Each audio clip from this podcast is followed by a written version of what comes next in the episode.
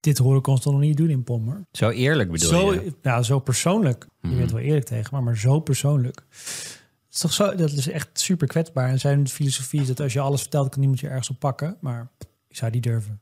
Over jezelf ook niet? Kijk, dat- voor mij is het probleem als het over anderen gaat. Daar ga ik gewoon niet. Dat ga ik. Dat ga ik Ja, wat hier ook hun- gebeurt, gaat natuurlijk ook over zijn ex. Ja, Ja. dus dat lijkt me het, vooral het ingewikkeldste. Maar zou je het echt zo, als, als dat niet het issue zou zijn, zou je het dan zo ingewikkeld vinden om zo openhartig te zijn?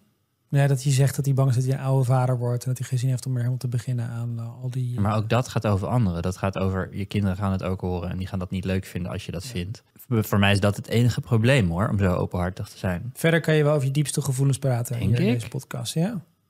Maar ik ben vooral benieuwd waarom je denkt dat, waarom, waarom jij dat niet. Deels dat ik het gewoon heel eh, privé heeft en dat het al heel snel over anderen gaat, inderdaad. Ja. En eh, deels omdat het, het is ook op een bepaalde manier self-indulgent. Hm. Ehm, Hm. Sorry voor het voor het Engels, maar eh, dat je dus zo.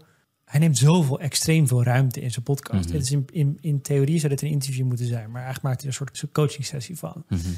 En dat werkt, want daardoor vestigt hij een soort lens op de wereld waar ik dan ook weer van leer. Maar om het zelf te doen, ik zou niet zoveel ruimte in durven nemen. Omdat je dan bang bent dat andere mensen denken, wat, een, wat neemt hij zichzelf serieus? Ja, ik weet niet of het al überhaupt bij anderen begint, maar ook al gewoon bij me. Ik ben er gewoon Je zelf. vindt dat je het niet waard bent. Misschien wel. Echt? Nou, nu hebben we toch dit gesprek. Nee, ik, vind- ik voel me gewoon niet comfortabel bij zoveel ruimte nemen. Ik ben altijd meer bezig met wat gaat de ander zeggen? Wat kan ik die ander laten zeggen? Misschien is hij minder in die zin een Nieuwsgierig. klassieke interviewer. Ja. Nee, dit is geen klassieke interview. Hij heeft gewoon gesprekken. Want Ja. hij is zelf heel veel aan het woord. Ja. Het kan natuurlijk zo zijn dat je nieuwsgierigheid in anderen je overstemt. Dat je de neiging voelt om zelf heel veel te delen. Listen to the full episode of Pom on Podimo from Denmark